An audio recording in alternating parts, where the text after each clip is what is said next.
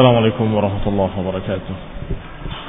إن الحمد لله نحمده ونستعينه ونستغفره ونعوذ بالله من شرور أنفسنا ومن سيئات أعمالنا من يهده الله فلا مضل له ومن يضلل فلا هادي له وأشهد أن لا إله إلا الله وحده لا شريك له وأشهد أن محمدا عبده ورسوله صلى الله عليه وعلى آله وأصحابه والتابعين وتابع التابعين ومن تبعهم بإحسان إلى يوم الدين.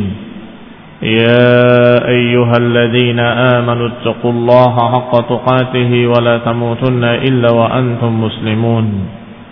يا أيها الناس اتقوا ربكم الذي خلقكم من نفس واحدة وخلق منها زوجها وبث منهما رجالا كثيرا ونساء. واتقوا الله الذي تساءلون به والأرحام. إن الله كان عليكم رقيبا. يا أيها الذين آمنوا اتقوا الله وقولوا قولا سديدا. يصلح لكم أعمالكم ويغفر لكم ذنوبكم. ومن يطع الله ورسوله فقد فاز فوزا عظيما. أما بعد فإن خير الحديث كتاب الله وخير الهدي هدي محمد صلى الله عليه وعلى آله وسلم وشر الأمور محدثاتها فإن كل محدثة بدعة وكل بدعة ضلالة وكل ضلالة في النار. إخواني في الدين أعزكم الله. Kita sampai pada nasab yang berikutnya setelah Ismail. Siyaqatun nasab min walad Ismail. Berkata Ibn Hisham bahwa konteks nasab atau susunan nasab dari anak Ismail bahwasanya Ismail ibni Ibrahim alaihi salam memiliki 12 anak. 12 anak ini bernama Nabit وقيدر وأذبل وميشا ومسمعا وماشي ودم وأذر وطيما ويطور ونبش وقيدم dua belas anak Nabiullah Ismail ibni Ibrahim alaihi wassalam. Di antara dua belas itu ada yang bernama Nabit. Nabit anaknya Ismail memiliki anak pula yang bernama Yasjub ibni Nabit. Dan Ya'jub inilah yang kemudian melahirkan seorang yang bernama Ya'rub. Ini asal kata Arab dari kalimat Ya'rub.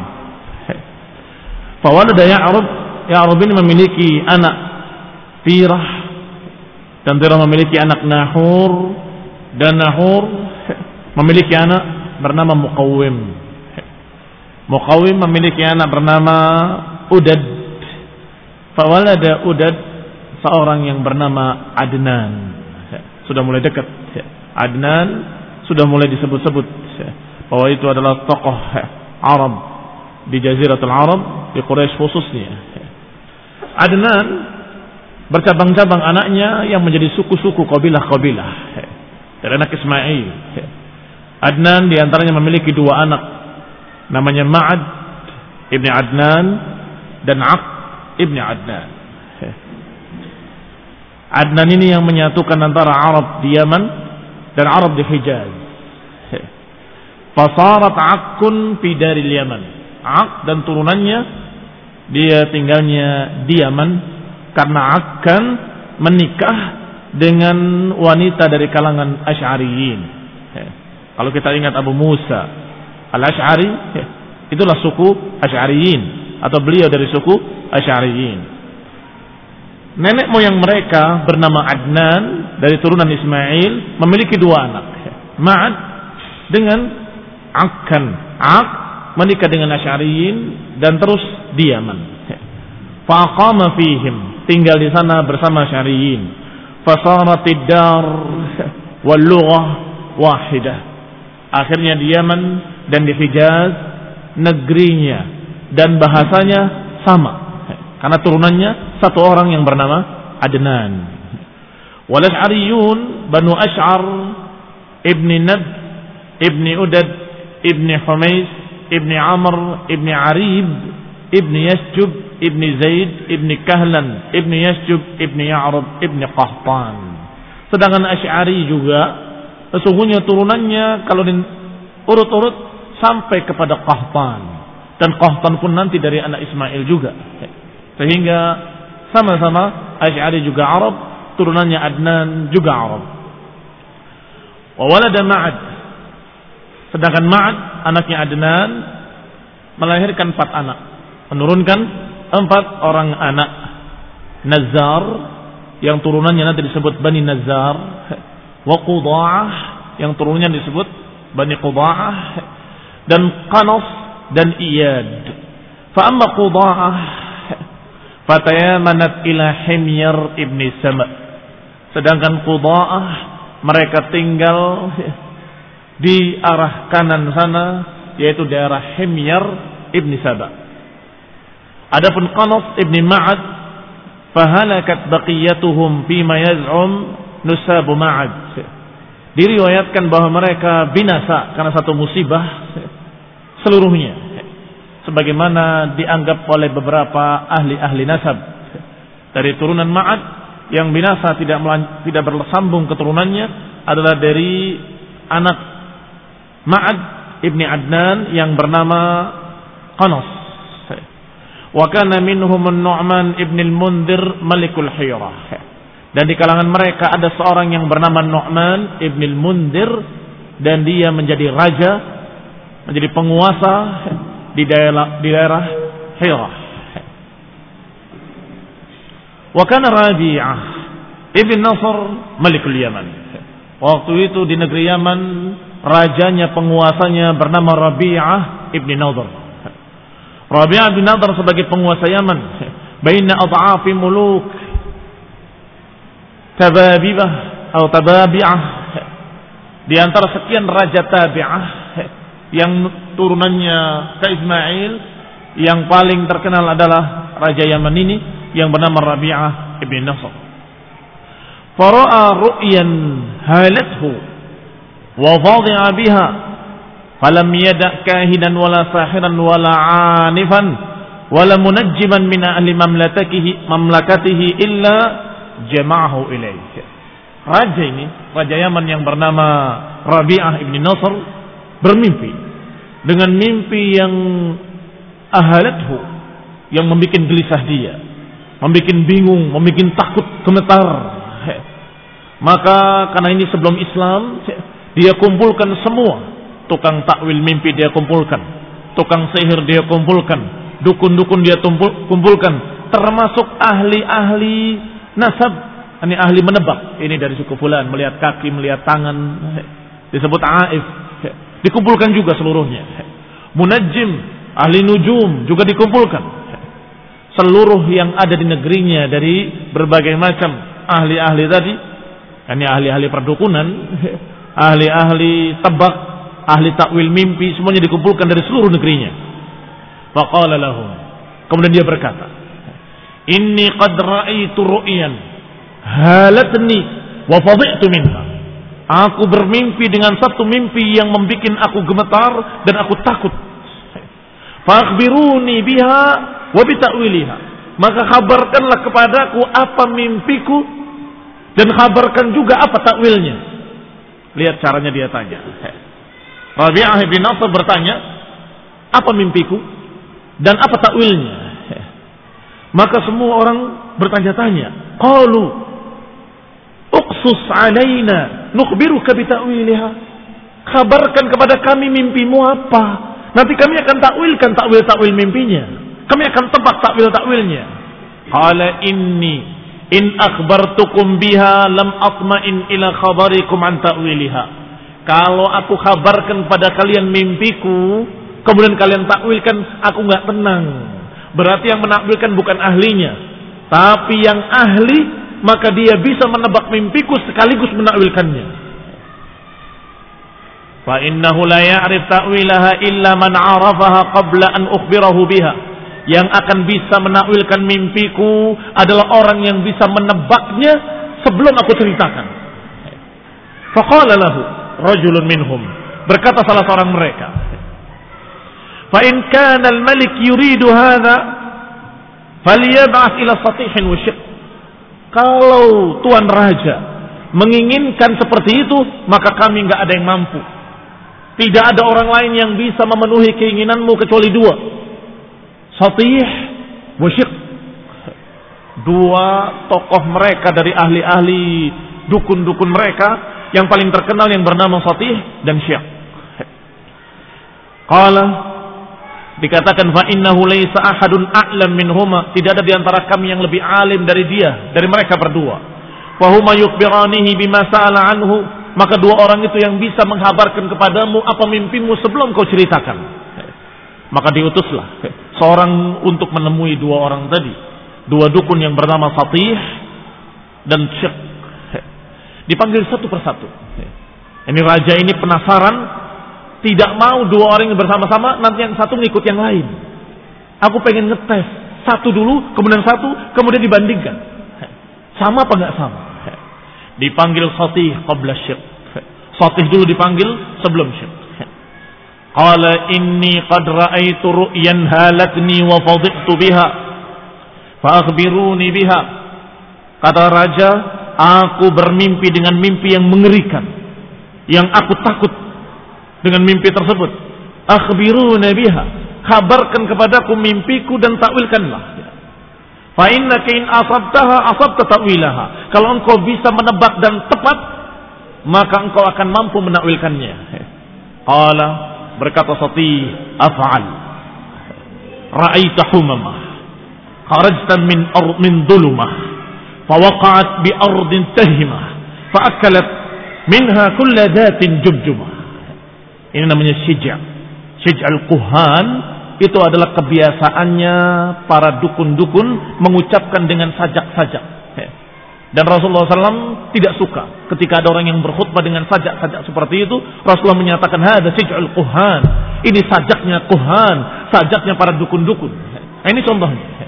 Si Fatih berkata, ketika diperintahkan oleh Tuan Raja tadi untuk menceritakan, dia berkata, af'al, aku lakukan.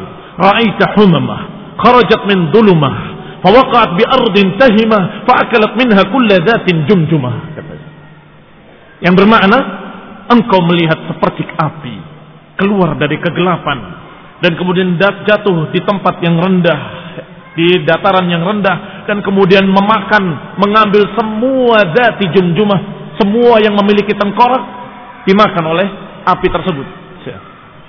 Kata raja faqala lahul malik ma akhta'ta minha syai'an ya fatih sungguh tidak salah sedikit pun engkau wahai fatih fama indaka min ta'wiliha? Kalau begitu apa takwilnya menurutmu? Qala ahlif bima bainal harratain min hanash. La yahbatanna ardakum bil habash.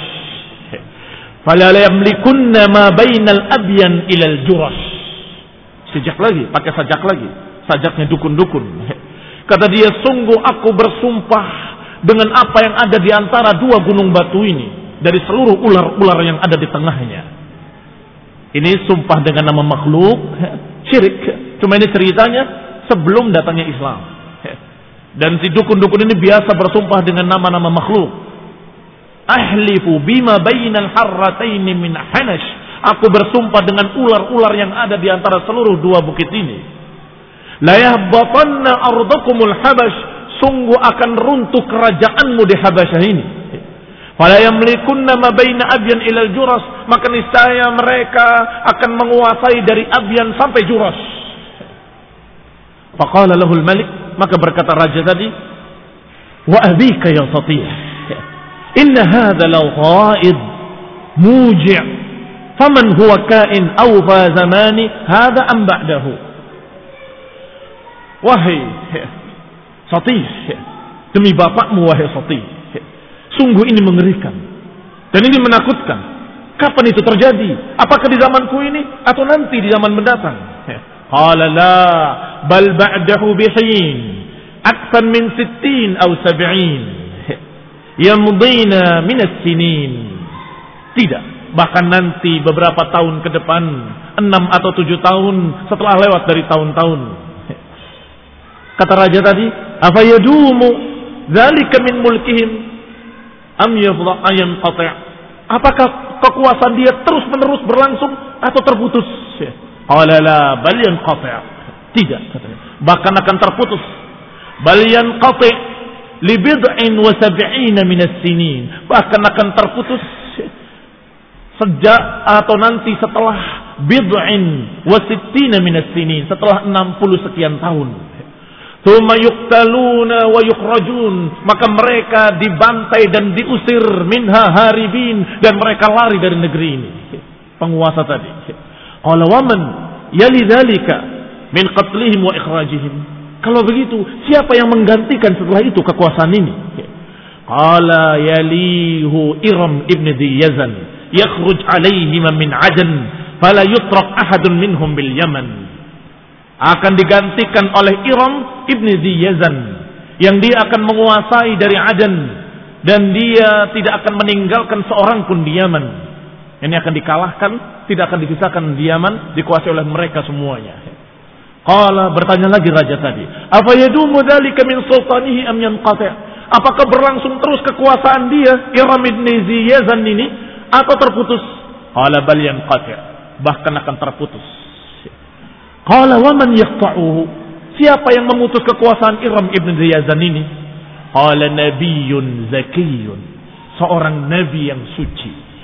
Ya'tihi al-wahyu min al-ali. Nabi yang zaki Ya'tihi al-wahyu min al-ali. Nabi yang suci yang mendapatkan wahyu dari langit, kata yang menguasai berikutnya. Qala huwa mimman hadha nabi? Nabi dari mana itu datangnya?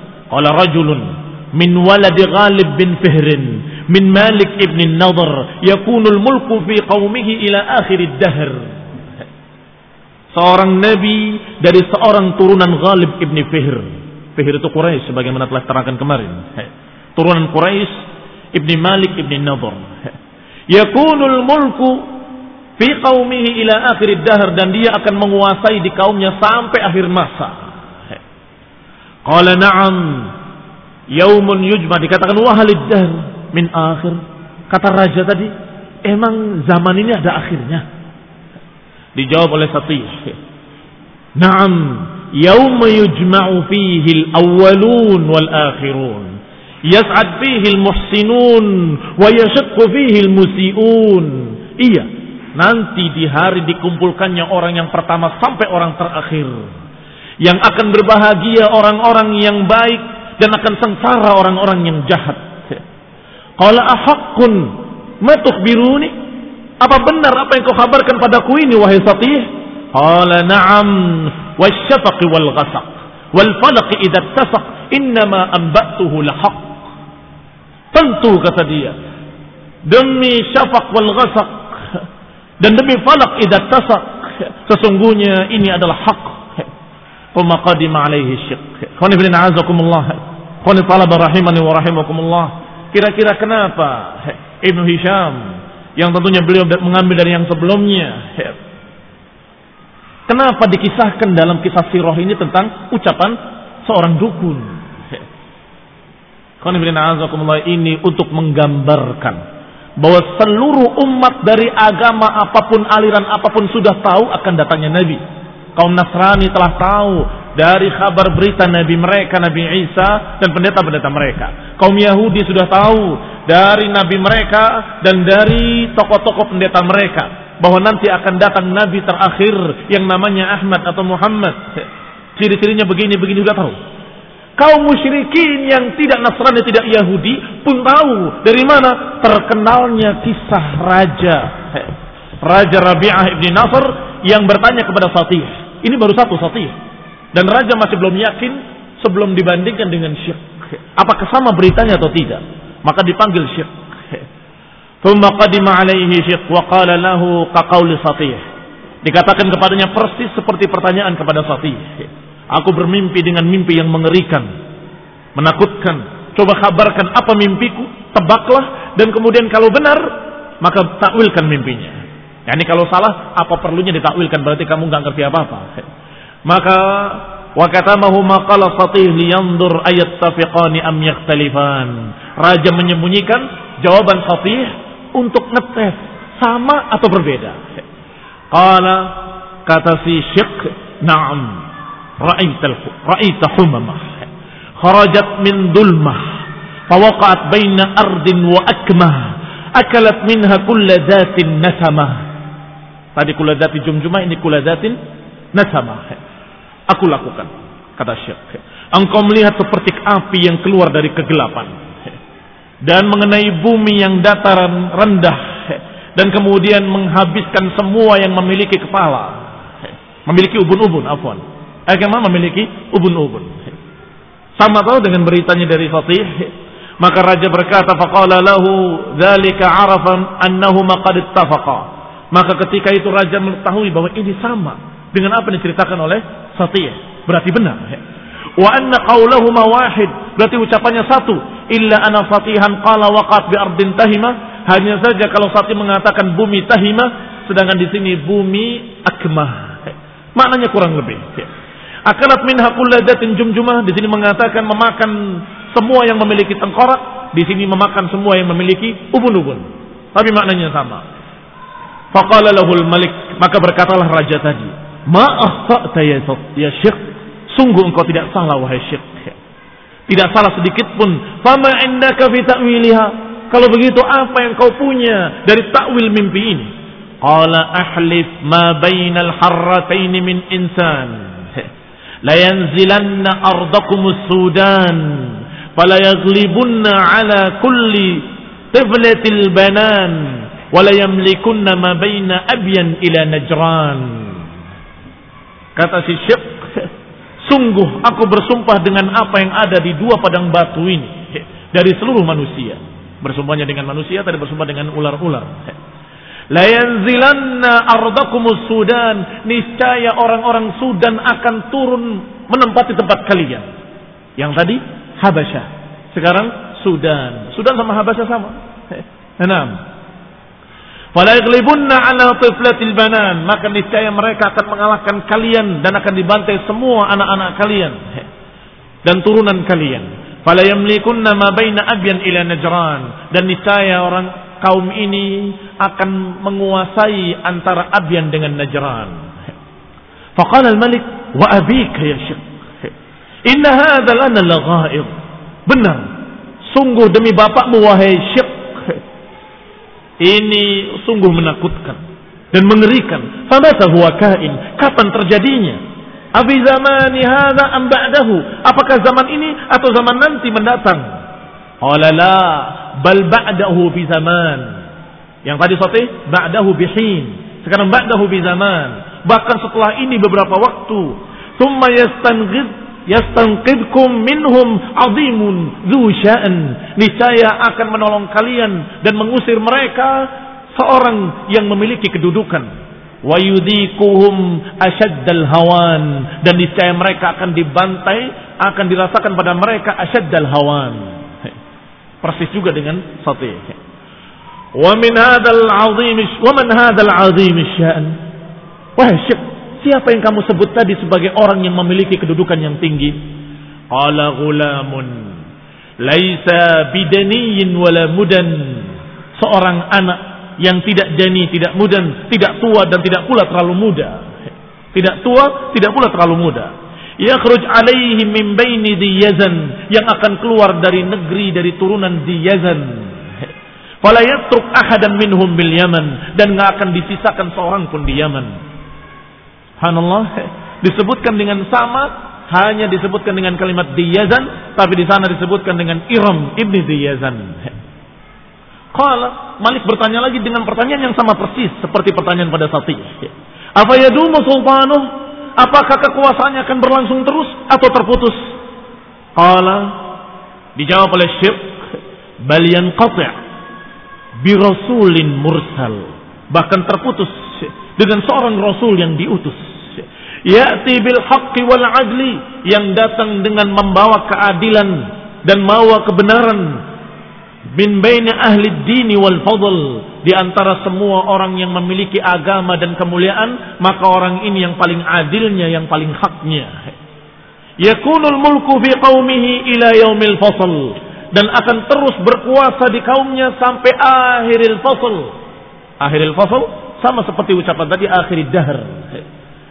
Maka ditanyakan kembali kepadanya, "Wa ma yaumul fasli?" Apa itu yaumul fasl? Qala yaumun tujza fihi al-wulah wa yud'a fihi min as-sama'i bid'awat wa yasma' minha al-ahya'u wal amwat wa yajma' fihi bayna an-nas lil-miqat yakunu fihi liman ittaqa al-fawz wal khairat kata Syekh Yaumul Fasl adalah hari dibalasnya setiap orang dengan perbuatan-perbuatan mereka. Dipanggilnya, diserunya setiap orang dari langit dengan panggilan-panggilan yang akan didengar panggilan itu oleh seluruh manusia yang hidup maupun yang mati. Wa fihi bainan nasi lil dan dikumpulkan manusia untuk satu waktu yang ditentukan. Yakunu fihi liman ittaqa al-fawzu wal khairat maka saat itu orang yang takwa akan mendapatkan kebaikan-kebaikan dan fauz dan kemenangan. Jawabannya persis sama. Dengan kalimat-kalimat yang berbeda dan sijik-sijik yang berbeda. Kata raja tadi, ahakun mataqul? Apa benar? Apa hak yang kau katakan ini? Qala i wa rabbis sama'i wal ard. Wa ma bainahuma min raf'in wa khawf. Innama ambatuka bihi lahaqqun ma fihi amam. Kata Syekh, sungguh demi Rabbus samai wal ard lebih bagus sumpahnya daripada yang tadi. Karena sumpahnya dengan nama Rabb. Demi Rabbus samawati wal ard, demi penguasa langit dan bumi. Dan apa yang ada di antara keduanya min raf'in wa khafad. Dan apa yang di antara keduanya yang tinggi maupun yang rendah innama ambatuka bihi lahaqqun ma fihi amad. Apa yang aku katakan ini hak, enggak ada keraguan padanya. Qala dikatakan fawaqa fi nafsi Rabi'ah maqala.